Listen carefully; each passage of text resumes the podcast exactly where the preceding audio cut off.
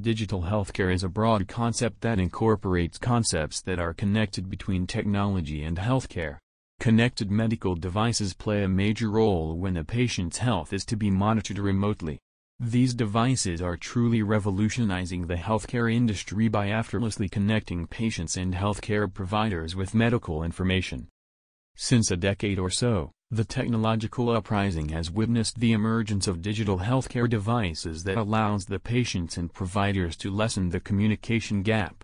Smartphone apps like connected BP monitors, oxygen levels keep track and generate important data.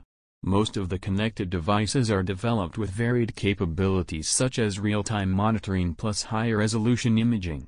This in turn helps to improve patients' health. With digital health technology, it is possible for patients to receive care from any corner of the globe.